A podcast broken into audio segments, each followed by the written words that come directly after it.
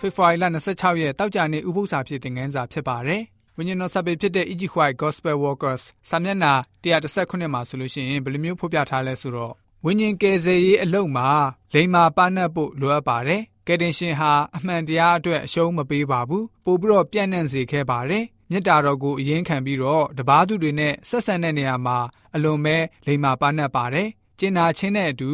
ကိုချင်းစာစိတ်ထားတဲ့သူဟာဘယ်အခါမှမယိုင်းဆိုင်ပါဘူး ပြင်းထန်တဲ့စကားမျိုးလည်းတခါမှမပြောပါဘူးစိတ်ဒေါသဖြစ်လွယ်တဲ့သူပေါ်စိတ်ထိခိုက်နစ်နာစေခြင်းမျိုးဘယ်တော့အခါမှမပေးပါဘူးလူသားရဲ့အားနည်းခြင်းကိုလည်းပဲအပြစ်မထားပါဘူးမှားယွင်းခြင်းအကြောင်းကိုလည်းပဲရဲဝံ့စွာဖွင့်ပြောတတ်ပါတယ်ယုံကြည်ခြင်းနဲ့အပြစ်ဟူသည်များကိုပြက်ပြက်သားသားဝေဖန်ပါတယ်သို့တော့သူ့ရဲ့အတန်တော်မှာမျက်ရည်ပါပါတယ်အမှန်တရားလို့ဆိုပြီးတော့ရက်ဆက်စွာမပြုပါဘူးလူသားတွေကိုကျင်နာစွာပြုတော်မူပါတယ်